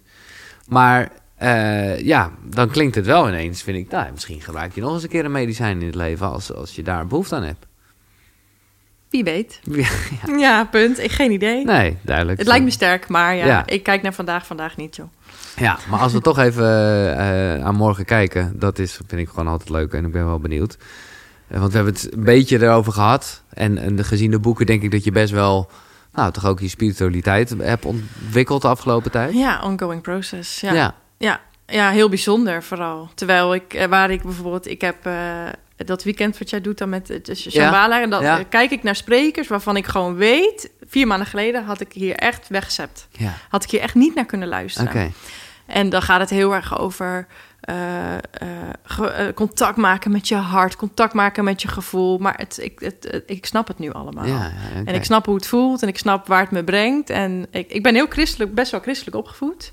Eh, en dat is altijd ook mijn tunnelvisie geweest. Ja. Van er is niks anders dan dat. En ik vond het allemaal wappies, die andere mensen die dat dachten, wat, Ja. wat ik nu ook wel denk.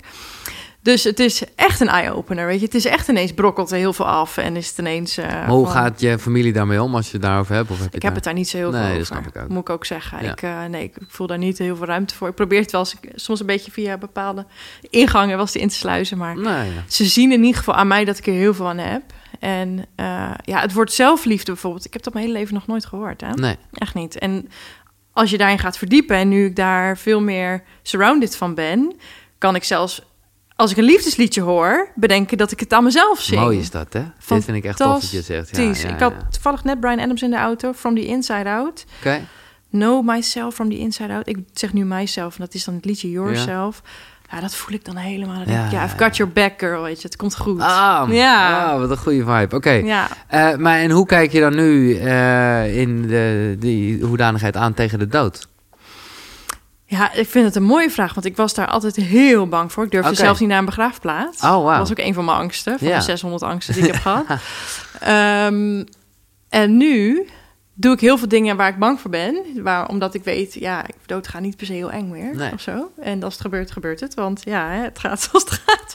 Maar ehm, ik vind het wel iets spannends en iets ongrijpbaars. En ik durf je ook niet te zeggen of het eh, daarna iets gebeurt. Ik, Nee. ik, ik, ik weet het niet. Kijk, ik ben natuurlijk geprogrammeerd vanuit vroeger dat ik in de hemel kom of niet. Ja, dat trek ik nu in twijfel. Ehm, maar ik zeg ook niet dat het niet zou kunnen. Dus ik, ja, Nee, dat hoeft ook al in niet. between. Durf het je Ja. niet te zeggen, nee. En, en, en hoe wil je herinnerd worden? Ik wil herinnerd worden als iemand die een taboe heeft proberen te doorbreken of heeft doorbroken. Ik vind dat gewoon echt belangrijk. Ehm, en ik zou herinnerd willen worden als iemand ehm, die... Nou, ik zei net, I've got your back. Ik hoop dat iemand anders dat ook kan, over mij kan zeggen. Ja. En nog even, maar dat is eh, me duidelijk hoor, denk ik, maar even de check. Het taboe is dan niet drinken is ook normaal. Nou ja, Of- het, mijn missie is... ehm, niet drinken net zo minimaal net zo normaal maken als wel drinken. En dan Ja. het liefst nog een stapje verder, maar Ja. laten we daar dan Ja, even stoppen, nee, weet je wel? Ja, ja, dat is echt voor mij. Ja. Mooie missie. Ja. Echt lekker bezig, Esther. We proosten erop. Ja, cheers, zeker. Dankjewel. En jij bedankt voor het luisteren. Eh, ik ben benieuwd wat je hiervan vindt. Laat het gewoon eventjes onder in de reacties als je YouTube kijkt. Als je dat kijkt, vergeet ook vooral niet te abonneren. Ik doe het zelf ook niet, maar eh, Google vindt het leuk. En daarmee wordt Koekeroe eh, gewoon meer naar buiten toe verspreid. Maar ik ben wel benieuwd. Ik ben zelf wel voornemens om er nog een paar extra bonusafleveringen te doen. In het kader en in samenwerking met High Humans. Laat me vooral eventjes weten, anders mail je gewoon giel.koekeroe.nl. Want dat is de site, inderdaad. Koekeroe. K-U-K-U-R-U.nl. Koekeroe.nl. Daar vind je het hele archief van inmiddels meer dan 75 afleveringen. Jij bent wel fan, hè, Esther? Heel erg fan. Ja. Groot fan. Ja, Heel veel van je geleerd. Ja, nou Ja. niet van mij, van de Van mensen. ja, ja. nee, ja, precies.